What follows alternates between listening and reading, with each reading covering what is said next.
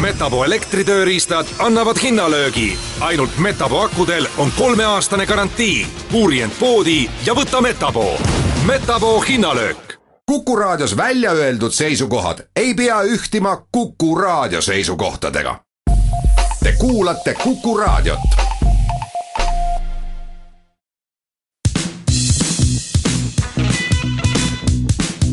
Põnts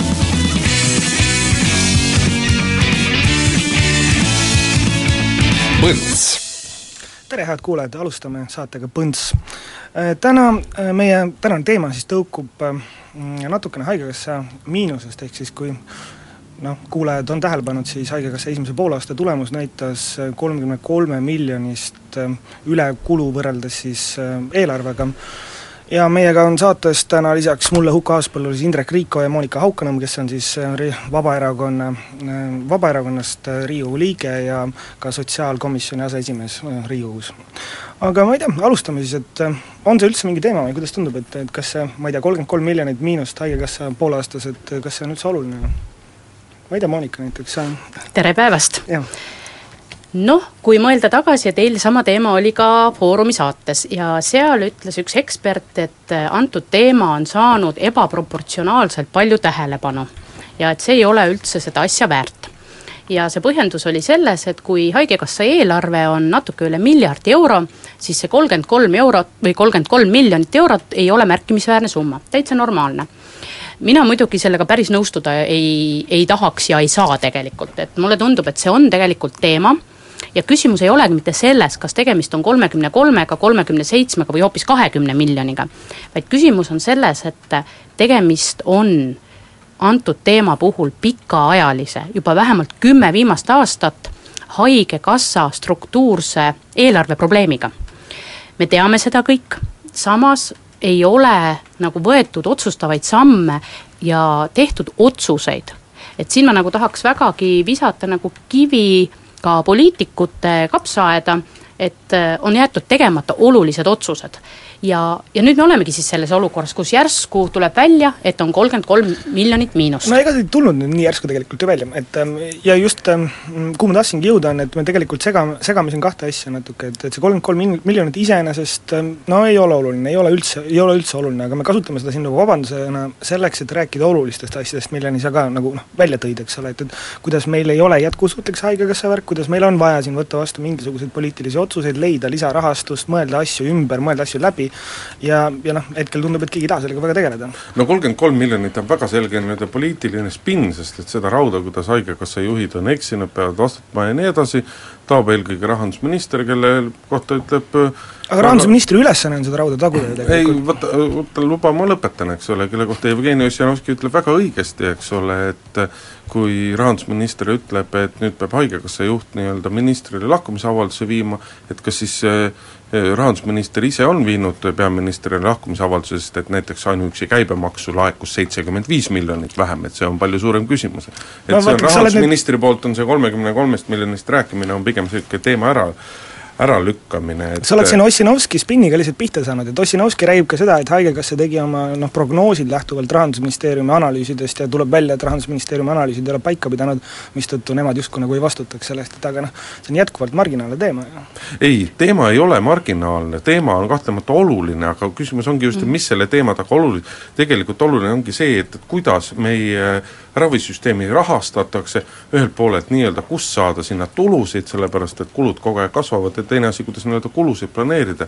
see, et pisut nüüd planeeriti valesti, eks ole, on selle põhjuseks siis see, et Rahandusministeeriumi prognoos oli vale või andsid haiglad erinevad terviseasutused pisut vale sisendit, eks ole, see on nagu teine küsimus, et et muidugi sellest peab rääkima, iga ettevõte räägib ka, kui ta kulud on mõnevõrra suuremad, aga mm -hmm. ta ei mhm. räägi sellest ülemäära palju, aga väga noh, väga õige on see juhindumis see või juhindumine sellele, et, et üle kümne aasta on tegelikult probleem kus meil ei tule piisavalt palju, Eesti riigil ei ole piisavalt palju raha, et senisel kujul seda tervishoidu, tervishoidu tagada ja seda mm -hmm. rahastada. et noh, loomulikult kui me vaatame seda kolmekümmend kolme miljonit puhtalt selliselt väga abstraktselt, selliselt fiskaalpoliitiliselt tasandilt, siis tõesti ei ole suur küsimus kui me vaatame, et seda teemat vaataks selle ühe miljardi pealt mingi riski, mingi analüütik, siis ta ütleb, ei ole probleemi.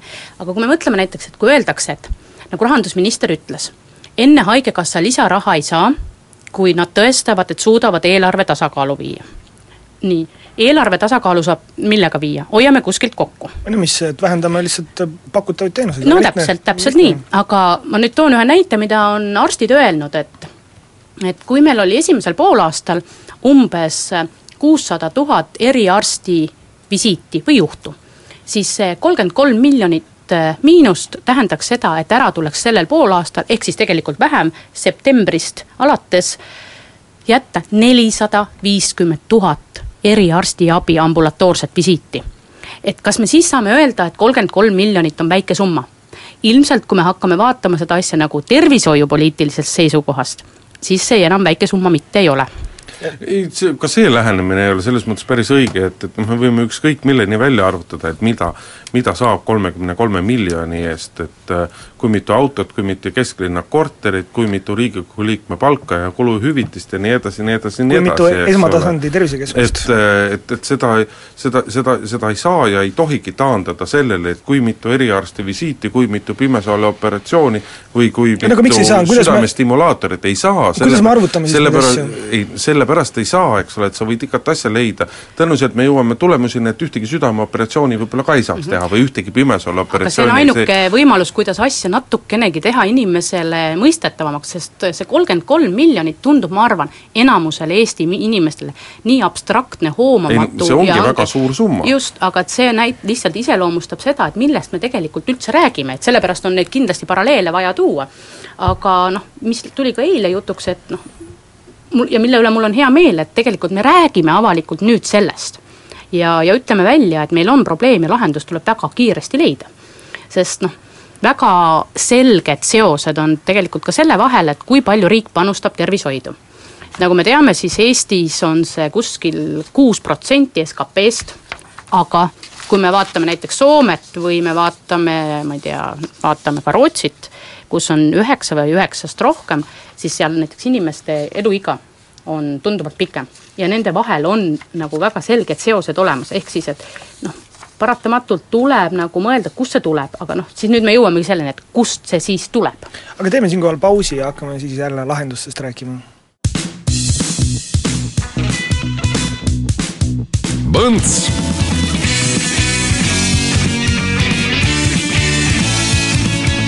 Põnts jätkame saatega eetris Huko Aaspõllu, Monika Haukanõmm ja Indrek Riikoja aga räägime natukese lahendustest, et äh, noh, tehniliselt, eks ole, meil on äh, nii-öelda selle probleemi lahendamiseks laias laastus äh, kaks viisi, et tõmbame kulusid kokku, ehk siis tervishoiukulusid, osutame mingeid teenuseid vähem, neid efektiivsemalt, mis iganes, või noh, leiame lisaraha, ehk siis tõstame makse. et ega vist rohkem neid lahendusi ju ei ole? no on olemas pikaajalised lahendused ja on niinimetatud kiired lahendused mis on kiired lahendused no siis? kiire lahendus on kõige lihtsam, on see, et anname riigieelarvest raha juurde, teistest niinimetatud riigieelarve kuludest või tuludest, vabandust, see on kõige lihtsam. ei, noh kõige lihtsam siiski on öelda, et tehke tehke, eks ole, sada eriarsti visiiti vähem, kaks südameoperatsiooni vähem, ostke pastakaid, kõik pastakad, iga pastakas kümme senti odavam ja need, nii on ka võimalik no see on see, mida Sester ütleb ju tegelikult. Jah, aga vaadake, siin on see lugu, et meie me oleme kogu aeg, eestlane on niisugune edetabel justkui ini-, rahvas, mulle tundub. meile kohutavalt meeldib ennast kogu aeg võrrelda teiste riikidega. no see on no, muidugi ka oluline. ma ei paneks muidugi aga, poliitikule ja Eesti rahvale siinkohas võrdusmärki. ma räägin nagu üldiselt, et see ei ole ainult poliitikud, et see, meile meeldib olla ka uhked, kui meil midagi läheb väga hästi ja, ja põhjusega, no näiteks üks asi, mille üle me ju oleme tegelikult uhked, et meie tervishoid on kõige efektiivsem me oleme praktiliselt Euroopa Liidus esimesel-teisel kohal oma efektiivsuselt. aga kui me vaatame nagu selle efektiivsuse taha, et, et, et me saaks teha võib-olla veel efektiivsemalt, veel vähema raha eest veel rohkem, ehk nagu te tõite näite, pastaka saab kümme sentimeet-, kümme senti odavamalt osta, võib-olla saab mõne operatsiooni natuke odavamalt teha. kindlasti ongi ka mõnes kohas neid kokkuhoiukohti, aga mingil hetkel tuleb ka piir ette ja vot see on juba see, et, et kaua me kokku hoiame, sest see on juba nii õhukeseks lihvitud. ega arvad, et me oleme nagu siinpool seda piiri selles mõttes või noh, et see piir on nii, nii lähedal, mulle küll tundub, et mingisuguseid kokkuhoiukohti on täiesti võimalik veel leida. kui me mõtleme nende ebaefektiivsuste peale, mis meil ilmselgelt süsteemis on, alustades sellest, et kuidas meil digiregistratuur ikka jätkuvalt ei tööta, kuidas meil haiglate mingisugune IT-süsteemid omavahel koostööd ei tee, kuidas meil on perearstidel stiimulid inimesed võimalikult ruttu lükata kuskile eriarstide juurde, juurde, kellel on omakorda rahalised stiimulid teha nende inimestega võimalikult palju noh, ma ei tea, teste, proove võtta, üritada noh, ükskõik mida nendega teha, meil on need asjad natukene noh, võib-olla paigast ära kohati ja mulle tundub väga selgelt, et isegi nagu noh, käesoleva süsteemi sees on meil võimalik väga selgeid kokkuhoiukohti leida. no üks asi on selgelt kokkuhoiukohti leida ja teine pool on ka see, et et mina ei tea ühtegi enda tuttavat inimest, kes kes oleks elanud pike, olles elanud pikemat aega mõnes Euroopa riigis või ka Ameerika Ühendriikides ja ütleks, et Eestis on suurepärane tervishoiusüsteem võrreldes teiste riikidega, nii selle kiirusega, kui kiiresti pääsed sa eriarsti vastuvõtule, kui palju riik kannab sinu nii-öelda kuludest, mis sul tekib oma tervise ravimisel ja nii edasi, nii edasi, nii edasi. see on, ma saan aru, poliitikutele on seda meeletult ebapopulaarne öelda, aga siin pausi ajal me töö, rääkisime sellest näitest, et kui Soomes on aastas üks koma seitse miljonit eriarsti visiiti, siis meil oli poole aastaga kuussada tuhat eriarsti visiiti, eks ole. riikide need... suuruse vahe on circa neli korda, eks ole, rahvaarvult, et et mina tahaks küll Monika Haukanõmme käest, et millal te vastutustunde, tundliku poliitikuna hakkate ajama seda asja, et eestlased ei pääseks nii lihtsalt eriarsti visiidile? No tegelikult olen mina sedasama juttu nagu rääkinud, ei, ei, ma olen tegelikult sedasama juttu rääkinud, et meie oleme natukene, meie meditsiinisüsteem ja ka meditsiini rahastamine on eriarstiabi poole liiga palju kaldu. Ja, ja seda peab kindlasti muutma, et mina julgen seda kindlalt ja, ja siinkohal välja öelda. mis siis peaks tegema, tegelikult on kõige tähtsam see, et, et tuleb mm, järjest rohkem rääkida sellest, et tegelikult teevad meie esmatasand, perearstid, teevad tegelikult head tööd. selle eriarsti abi või visiitide taga on suuresti ikkagi see, et äh, me arvame, et eriarst annab mulle paremat abi. ta aitab mind kuidagi paremini. et ma ütleks, et tegelikult see tuleb ka veel meie eelmisest riigikorrast, kus me saime kõiki probleeme lahendada eriarsti juures.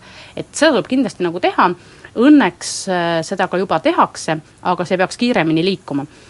täiesti õige, et tuleks panna ette teatud filtrid, kuidas eriarstiabi, äh, arsti juurde üldse saab, et äh, kui pikad, kuidas on need saatekirjad näiteks, tuleb tasuda näiteks mingit omaosalust või mis see iganes on, aga igal juhul ma arvan, et see on sellise ühiskonna hoiakute ja suhtumise küsimus ka meie perearstidesse. võimalik, et peaks ka äh, perearstisüsteemi rahastamist natukene ümber vaatama, üle vaatama, sest jätkuvalt, kui perearstil on rahalik, äh, rahaline stiimul suunata inimesi edasi, et äh, siis ta noh, allub tahes-tahtmata kas või marginaalselt sellele stiimulile, et, et noh mm -hmm., neid äh, võib-olla noh, valestiimuleid võiks üritada süsteemist võimalikult palju välja võtta, nii palju, kui meil võimalik Jaa, on. täiesti, täiesti nõus, sest äh, praegusel hetkel perearste ja eriarste su-, rahastatakse täiesti erinevate mudelite alusel ja, ja tõesti on igalühel oma huvi ja oma stiimul seal olemas. et ideaalis võiks ju tegelikult olla nii, et äh, raha liigub koos inimesega. et äh, inimene on, me eeldame seda, et inimene on piisavalt tark, tervisekäitumises ja näiteks ta ikkagi hääletab ka mõnes mõttes nagu jalgadega. see on ka üks variant ehm, nojah, et lisaks me räägime ka loomulikult sellest, et kuidas ehm, noh, võiks konkurentsi tihendada äkki, äkki tervishoiusüsteemis. ja, ja noh, et siinkohal ma võib-olla noh, täpsustaksin seda natukene niiviisi, et konkurentsi tihendamine mm, ei tähenda iseenesest seda, et inimesed peaksid hakkama ise oma taskust nii noh, rohkem maksma, aga konkurents kindlasti ju annaks äh, meile tervishoiusüsteemile mingisugust sellist äh, noh, sisemist efektiivsust, vähemalt võimaldaks sellele välja tulla või väljend, väljunduda, sest mulle hetkel tundub, et meil tervishoius suurte haiglate vahel ju konkurentsi tegelikult ei ole.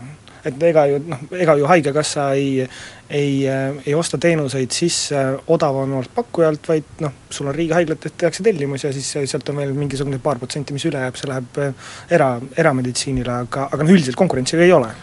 kuidas seda, kuidas seda konkurentsi nagu tekitada, see on see põhiline küsimus no miks, et me võime ju tegelikult võtta kasutusele noh, olemasolevaid mudeleid teistest elualadest, mis, mis meil Eestis olemas on, et noh, põhimõtteliselt Haigekassa teeb riigihanke mingisuguse raviteenuse ostmiseks ja siis madalaim pakkuja ja selge, on tehtud mm. -hmm. aga see... mis siis juhtub siis, kui on, kui on nii-öelda ütleme, et tehakse seal konkurss, eks ole, haiguse X ravimiseks ja võidab selle, eks ole, Huko võidab selle haiguse X ravimiseks, eks ole, haiguse Y ravimiseks konkursi võidan mina. aga kui nüüd selgub, et lisaks sellele X-ile on sinul ka veel Z või B haigena, sa satud sinu juurde, ühe saad ravitud, aga teisest, mis saab? no siis saab neid asju kuidagi ümber vaadata, näiteks needsamad ähm, noh, turul osalejad saavad enda, omavahel vahetada mingeid asju, see on koostöö küsimus ja tegelikult see on kõik lahendatav. et see ei, noh, see ei saa kunagi olla selliseks piiranguks, et jaa, jaa, jaa, et me ei saa tervet komplekti ühes haiglas ära teha. et äh, see on kõik tehtav küsimus on selles, et kas meil on võimalik kuidagi turujõududel lasta meie süsteemi efektiivsemaks muuta? mina vastupidi mm -hmm. tahaksin küsida, et kas meie küsimus ei ole selles, et meil on praegu haiglaid liiga palju, eks ole, et meile õudselt meeldib mõelda seda, et et sa jõuad haiglasse nii-öelda poole tunniga, poole tunniga pead jõudma ja nii edasi, eks ole, aga, aga kas seda on vaja, kas meil on vaja nii mitut haiglat, nagu meil tänasel hetkel on, või võiks piirduda Eestis, noh, kes on ütelnud, et kahest haiglast võiks piisata, et üks põhjas, teine lõunas, noh ja kolmas siis saarte peal, eks ole, või peab meil veel olema neid haiglaid, et pigem on võib-olla see koht, kus kohas mm -hmm. me mhm. peaksime nii-öelda seda efektiivsust tagasi otsima, et mitte valikute laiemaks sa teed ettepaneku siis maahaiglad kinni panna, väga huvitav. jah, jah tegelikult meil juba ju nii on, et meil on ja. kaks suurt haiglat, meil ongi, ehk siis niinimetatud kõrgema taseme haiglaid, kus tehakse näiteks niisuguseid väga keerulisi öö, operatsioone, on ju Põhja-Eesti Regionaalhaigla ja meil on Tartu Ülikooli Kliinikum. ja siis meil on veel piirkonnahaiglad ja siis meil on veel maakonnahaiglad, et tegelikult mulle tundub, et seda efektiivsust me ajame küll hullult taga, aga me unustame tegelikult selle jutu juures natukene ära selle inimese et kui see inimene elab ikkagi kuskil kaugemal suuremast keskusest, siis äh, ka temale peab olema see arstiabi mõistlikul moel kättesaadav. aga mis on, see mõistliku, mis on äh, see mõistliku määr, eks ole, et kas tund aega sõitu haiglasse nagu on mõistlik või ei ole mõistlik, ma pigem arvan, et on ma, mõistlik. aga mina küsiks, et kas te arvate tõesti, et igal inimesel on võimalik tund aega sõita? No aga siis äh, haigla, tegelikult haigla ei ole ju üldse teeme transpordisüsteemi, mis seal ikka. me räägime sellest, et tegelikult meil on esimene asi, et kui meil oleks ideaalne transpordiühendus igal pool kättesaadav, siis oleks see räägitav. aga kui me vaatame, milline on näiteks bussiühendus maapiirkondades, räägime näiteks äh, minu kodukandist Võrumaast ja seal piiriäärsetest aladest, kus on umbes üks buss läheb hommikul ja tagasi tuleb õhtul. palju seal inimesi elab? No see pole oluline, iga see inimene on tähtis, see ei ole oluline. see jutu suund on õige, aga küsimus aga... ongi see, et need, need lahendused Meis... tegelikult peituvad veel hoopis kuskil järgmistes asjades, eks ole, aga, aga praegu praegu ka, kui me vaatame seda kolmekümne kolme miljoni no ma tulen jälle selle juurde tagasi, siis ise sa ei tahtnud, et me seda liiga ja, palju räägiks. tahtnud, eks ole, aga mille pärast peaminister muretses, peaminister ei muretsenud selle pärast, et et kas inimesed on abi saanud või ei ole saanud, peaminister muretses selle peale, et et valitsuse eelarveline tasakaal läheb paigast ära no.. see oli peaministri esimene mure, esimene nii-öelda väljaütlemine, mitte see, et et kuidas inimestega on. peaminister, kes on olnud varasemalt sotsiaalminister, kindlasti muretseb ka inimeste pärast, aga peaministrina ta peab peamiselt ikkagi eelarve tasakaalu pärast muret tundma. ei, peaminister me... peab siiski inimeste siin, pealt kõigepealt, siin ma tahaks küll nagu väga sekkuda, et eelarve tasakaal kassa... sõltub, noh, sellest sõltub Eesti inimeste heaolu tegelikult. Jah, aga Mitte kui tingimata. me räägime haigekassa tasakaalust ainult ravikindlustuse mõttes ja unustame teised teemad ära, siis see ei ole tõsiseltvõetav. hästi, aga teeme siinkohal pausi, kuulame ära uudise ja tuleme kohe tagasi.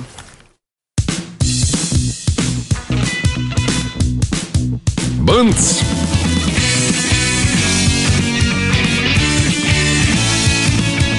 Põnts jätkame saatega Põnts, täna siis tervishoiu rahastamise teemadel, eetris Huko Aaspõllu, Monika Haukanõmm ja Indrek Riikoja ja võtaks nüüd natukene äh, teises pooles arutluse alla äh, lisaraha leidmise võimalused, et äh, Monika, kui sa ennem rääkisid, et oleks kõige lihtsam ja kiirem lahendus lihtsalt riigieelarvest kuskilt mujalt ridadelt Haigekassasse rohkem või suuremal määral noh, ülekandeid teha, et aga tegelikult fundamentaalselt, kui me vaatame pikemas perspektiivis, meil on vaja leida siiski lisaraha Haigekassasse, meil ei ole sinna midagi parata, meil on demograafiline seis, nagu ta on, meil ei ole mingisuguseid immigrante oodata või, või noh, võõrtöölisi, kes meil noh, maksud ära maksaksid ja, ja meie pensionäre või, või pensionieelikuid, kelle ravivajadus on ilmselgelt suurem kui noortel inimestel, raviksid, et meil on, see süsteem on jätkusuutmatu ja meil on vaja leida nagu alternatiivseid allikaid, kus need allikad on no see on väga hea küsimus. kui ma nüüd teaks ja kohe hakkaks tulistama, et kus need al-, alternatiivsed valikud on, tegelikult tuleks kõigepealt üle olemas. vaadata, tegelikult tuleks kõigepealt üle vaadata need, mida praegu, milliseid otsuseid me praegu oleme teinud. kas need praegu tehtud otsused on pigem seda aga mis otsused sulle ei meeldi praegu? mida, mis mulle ei meeldi? ja mida ma olen jõuliselt kritiseerinud äh, alates eelmise aasta juulist, et viimane aasta aega, on see, et äh, kui olid valimised, siis äh, val-, peale valimisvõitu lubati vali-, et äh, langetatakse tööjõumakse. väga mõistlik mõte. absoluutselt mõistlik mõte, täiesti nõus. aga nüüd me jõuamegi selleni, et, et kust me selle, millist maksu me langetame. sotsiaalmaksu langetame. nüüd langetame sotsiaalmaksu, langetame seda ühe protsendi võrra, null koma viis kaks tuhat seitseteist ja null koma viis kaks tuhat kaheksateist. ja me võtame selle ühe protsendi sotsiaalmaksu ravikindlustusosast, mis on olnud aastaid kolmteist protsenti, nüüd me langetame selle kaheteistkümne peale. et me tegelikult ühe maksu, mida me oleme kogunud ja sihtotstarbeliselt kasutanud, vähendame. see summa on aastas kaheksakümmend neli miljonit umbes no kui me räägime täna kolmekümne kolmest miljonist no kui jah, aga numbrid on, esialgu on Rahandusministeerium öelnud, et see on kuskil nelikümmend üks koma kaks miljonit aastas, on pool protsenti. Mhm. et eh, minu arvates see oli väga kiiresti tehtud otsus. see muudatus võeti vastu kahe kuu pärast, ehk siis juunis kaks tuhat viisteist. et tegelikult ei, ei järg-, ei eelnenud sellele tõsist int-, nagu analüüsi üldse, ka läbirääkimist tööandjatega. sest nüüd ütlevad tööandjad, see maksuvähendus ei aita mitte ühtegi inimest. see on täiesti kasutu. see on täiesti kasutu, on, miks? oponeerin sellele miks? väga selgelt. sellepärast, et sellepärast, et kui, kui me võtame seda, siis see on üks saja kolmekümne kolmandik tööjõukulust. see tähendab seda, et kui selle vähendamise üks eesmärk oli luua uusi töökohti, siis efekt hakkab siis saabuma, kui meil on sada kolmkümmend kolm töötajat ühes ettevõttes ja kes saavad kõik keskmist palka. no üldiselt on meil enamus, on meil ikkagi väikeettevõtteid. meil ei ole suurettevõtteid nüüd nii palju, et tegelikult ütlevad tööandjad, sellest oleks kasu, seda on vaja langetada, aga siis tuleks seda võib-olla teha hoopis ma ei tea, neli protsenti korraga või viis protsenti, et ei ole mõtet sellist teha. ja siis me ütleme, et me toome selle tagasi teistest riigieelarve kuludest, täpsu-, täpsustamata kust ei tahaks poliitikuga ühel meelel olla tavaliselt, aga vaat siin tuleb sina oled ikka poliitikutega ühel meelel. Aga... siin tuleb õige, öelda, et noh, jutt jumala õige, et väga no, selgelt nii-öelda haigu- te,, tervishoiult võetakse ära tervishoiu kontekstis väga oluline summa, see antakse justkui tagasi ettevõtjatele, aga see, see summa lahustub niivõrd suure et, hulga ettevõtete seas, et keegi sellest õiget mingit tuntavat tulu ei, ei no vaata, see tulu ei pruugi olla väga suur. Ja ma noh, ütlen, et ta arvestades seda langetust on võrdlemisi marginaalne, jah, tõsi, aga see ei ole kindlasti null. see ei ole kindlasti null, sellepärast et meil on Eestis piisavalt ettevõtjaid, piisavalt töötajaid, et see noh, teatavat mõju avaldab. jah, võib-olla seda analüüsiti vähe, aga samas me teame kõik seda, et meil Eestis on noh, tööjõumaksud tegelikult kõrged ja riigieelarve tuleb meil väga suures mahus kokku just tööjõumaksude pealt ja võib-olla see ei peaks nii olema. seda enam, kuhu me noh, oleme täna oma majandusega liikumas, kus see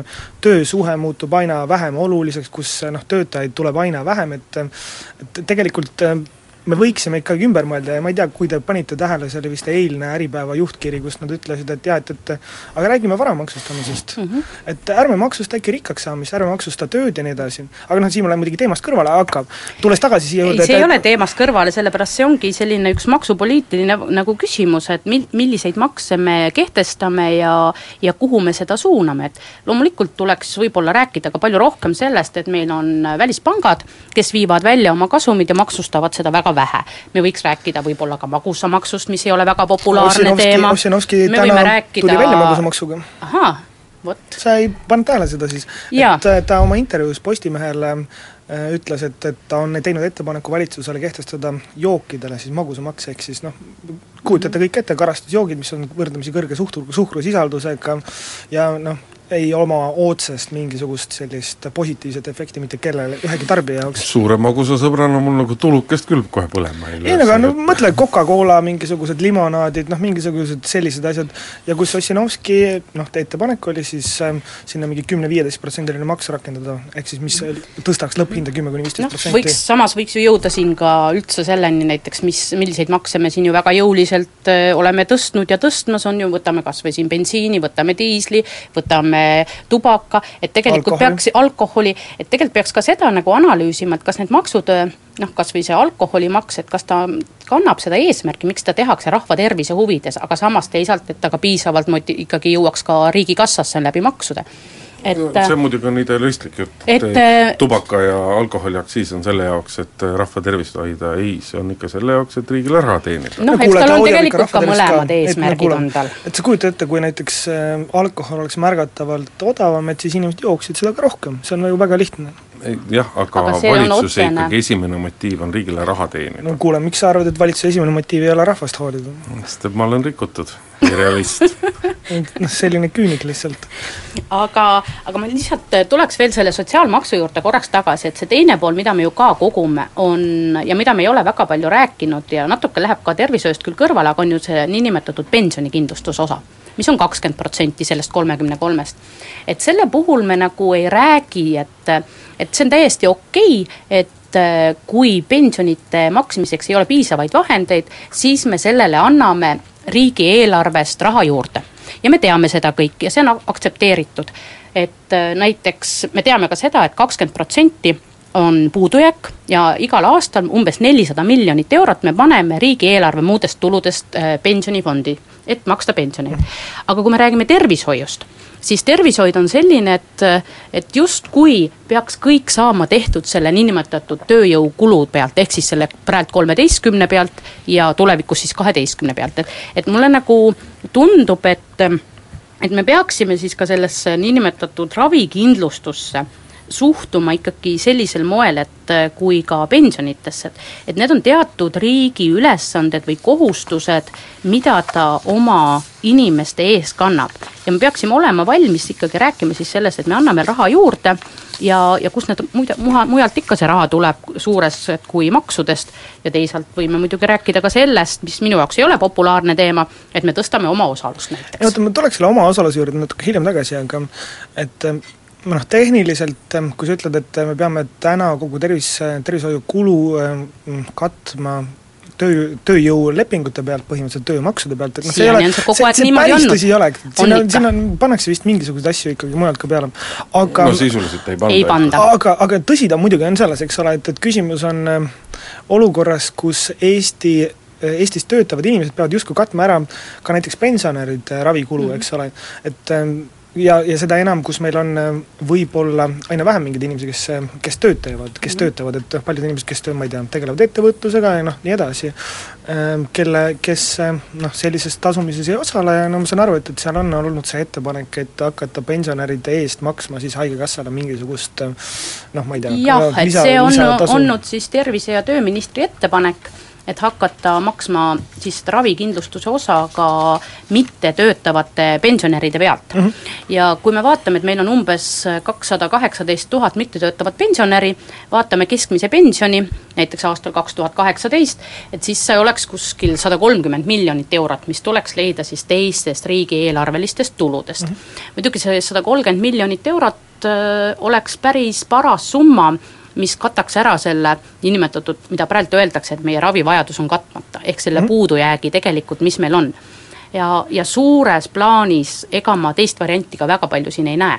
no noh, lühikeses plaanis siis tähendab, jah, jah. aga valdavalt me räägime ikkagi siin praegu stuudios eelkõige sellest, et kust leida lisaraha, aga kõrvale, aga, aga me ei räägi ikkagi sellest, et kas see tervishoiusüsteem, kas need, kõik need teenused ja need võimalused, mis pakutakse inimestele, kas need ikkagi on päris sellised, päris, päris sellised nagu meil vaja on, nagu ta olema peaks, et kas me ei ole liiga helded enese, ega seal on igasuguseid näiteid, noh käisin värskelt kooli minevate lastega, eks ole, tahtsin minna silmaarsti juurde, mis on justkui nõutud kooli minekuks tervisekaardile, eks ole, et tasuta silmaarsti oleks saanud alles sügiseks et sul ei olegi nagu muud alternatiivi, et, et sa saad oma paberid silmaarsti juures käia on siiski mingisugune kahekümne eurone kulu umbes, et, et sinusugusel inimesel tõenäoliselt oli võimalik seda ka küsimus on solidaarsuses. küsimus jah, on nagu solidaarsus, et, et, et jah, et muidugi ma maksin selle tasulise, noh mis mul muud nagu üle, üle jäi, eks ole, et kuigi vaata, lapsi on kaks, eks ole, kõike läheb topelt.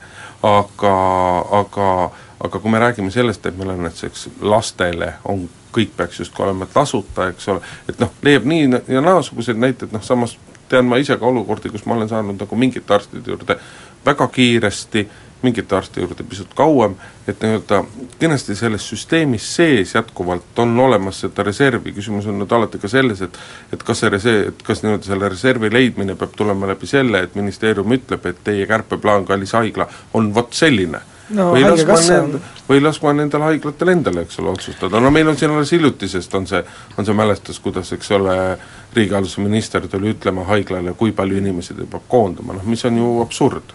No ideaalis peaks muidugi olema nii, et iga asutus kogu aeg, igapäevaselt ja loomulikul teel optimeerib ta tegelikult analüüsib olukorda, vaatab, kus ta saab kokku hoida ja tegelikult ka teeb neid, neid kokkuhoiusamme, sellepärast et kui see tuleb ülevalt ja survega, siis see kindlasti efektiivsus või eesmärgipärasus on palju kaheldavam ja, ja kindlasti on neid, et üks näiteks koht, kus kindlasti saaks efektiivsem olla, on analüüsid.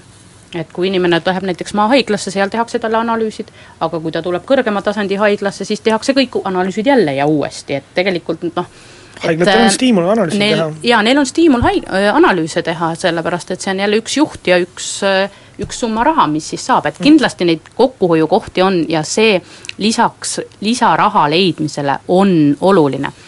aga samas me peame ikkagi mõtlema ka sellele, et meie elatustase tõuseb, meie ka ootused meditsiinile kogu aeg tõusevad ja me peame nagu ka nendega kaasa minema, et tegelikult uued ravimid, uued meetodid, need on ka kallimad, kui need olid eelmised. et ega see raha kokkuhoid lõppkokkuvõttes ei pruugi, isegi kui me teeme asju efektiivsemalt, summa summarum tulla. aga teeme siinkohal pausi. Põnts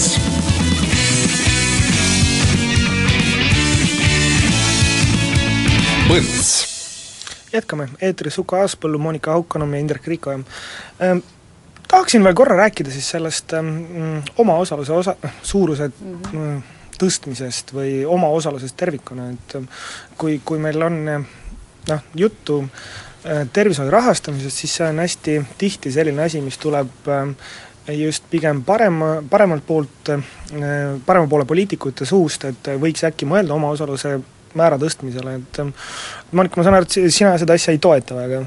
ei toeta sellepärast väga lihtsal põhjusel, et äh, omaosalus on tegelikult oma sisult maksustamine. ehk siis seda, me maksustame seda, et ma olen haige. Äh, on teada väga hästi see, et äh, kui see omaosalus hakkab minema üle teatud protsendi, siis hakkab saama, hakkab kättesaadavus halvenema no näiteks jällegi, kes käivad enamasti arsti juures, kes vajavad kõige rohkem tähelepanu, on meie vana, vanavanemad mm., ehk siis kuuskümmend viis pluss elanikud mm. ja kui me paneme siia liiga kõrge omaosaluse, siis enam see, ütleme, et kas siis ravimi, mingi tervishoiuteenuse kättesaadavus ei sõltu mitte sellest, kas sul on seda vaja, vaid tegelikult sõltub sellest, kas sul on raha, ehk siis sinu rahakoti põh-, paksusest. Eestis oleme me suhteliselt äh, kriitilisel piirile juba lähedal. seda mingi... kriitilist piiri öeldakse, et see on kakskümmend viis protsenti, et kui see läheb sellest üle, siis on väga-väga halvasti lugu ja tõesti kättesaadavus hakkab halvenema, Eestis on see kakskümmend kolm. Euroopa Liidus on see umbes seitseteist protsenti ja, ja ideaalis võiks see tegelikult olla lausa viisteist protsenti, et tegelikult mulle tundub, et me oleme juba liiga kaugele läinud. Et kus need omaosaluse kõrged protsendid siis tulevad, tegelikult on siin hambaravi mm, -hmm mis on probleemne, et äh, seal me maksame praktiliselt kõik kinni, välja arvatud lapsed, ja rasedad ja pensioniealised osaliselt, siis on need no ravimid need rasedad ja pensioniealised on ka nüüd mingid tohutud ei, noh, loomulikult, seal on pigem sellised pisikesed äh, proteesihüvitised kolme aasta peale kolmsada eurot umbes. Äh, me ei räägi suurtest summadest, siis on öö, viimasel ajal ka päris palju kajastust leidnud, on see niinimetatud äh, ravimihüvitis, et see võiks muutuda öö, meie ravimite omaosalus, mis õnneks hakkab nüüd minema allapoole. ja tänu sellele, et me tõesti räägime sellest, et et toimeainepõhine ja me kasutame geneerilisi ravimeid. ja, ja kolmas on hooldusravi taastusravi, kus on tegelikult väga kõrged omaosalusprotsendid. et see on see, mis, need on need valdkonnad, mis viivad selle omaosaluse kõrgele ja, ja tervishoius on sellele asjale äh, pandud ka isegi nimi, et kui me räägime, kui hakkavad väga parempoolsed poliitikud rääkima omaosaluse tõstmist, et seda nimetatakse tervishoiureformidest selliseks zombiefektiks, mis tegelikult äh, kasu ei too no eks ta toob mingil määral kasu, aga see kasu on lihtsalt koondunud üldiselt keskmiselt kõrgema sissetulekuga inimeste kätte.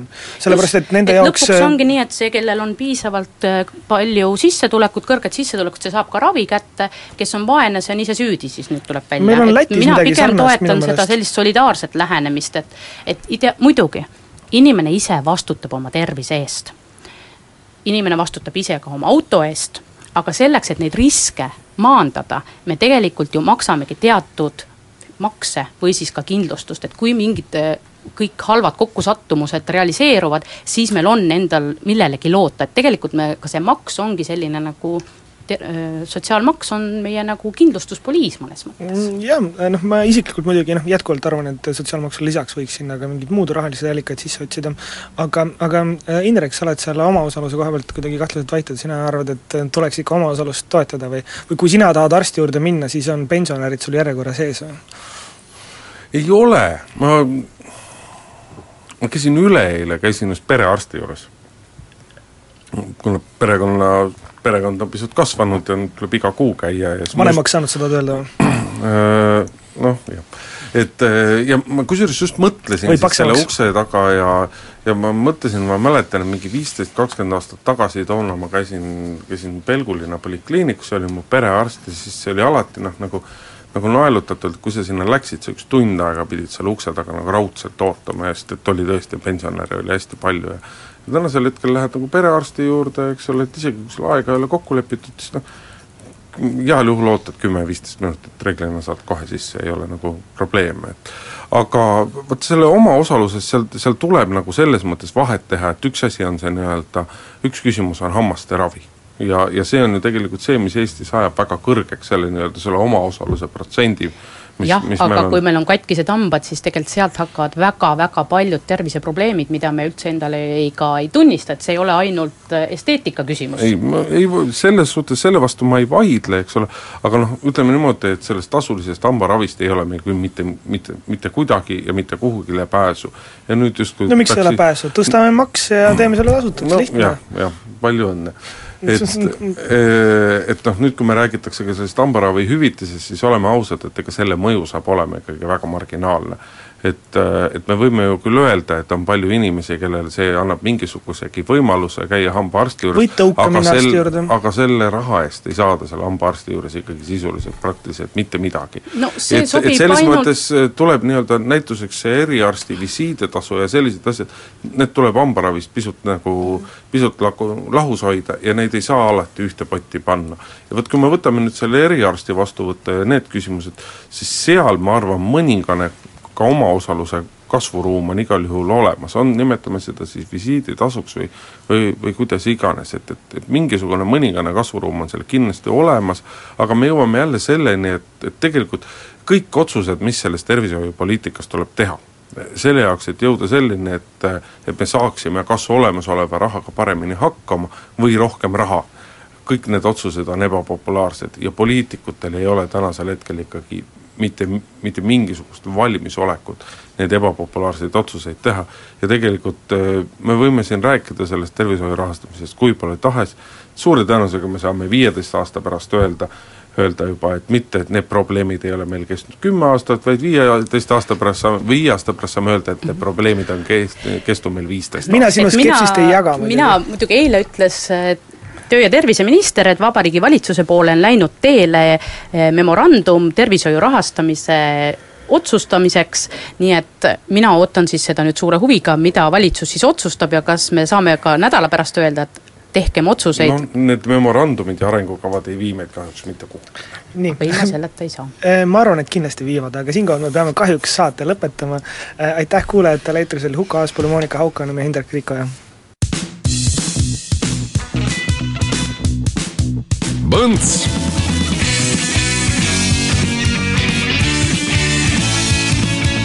Põnts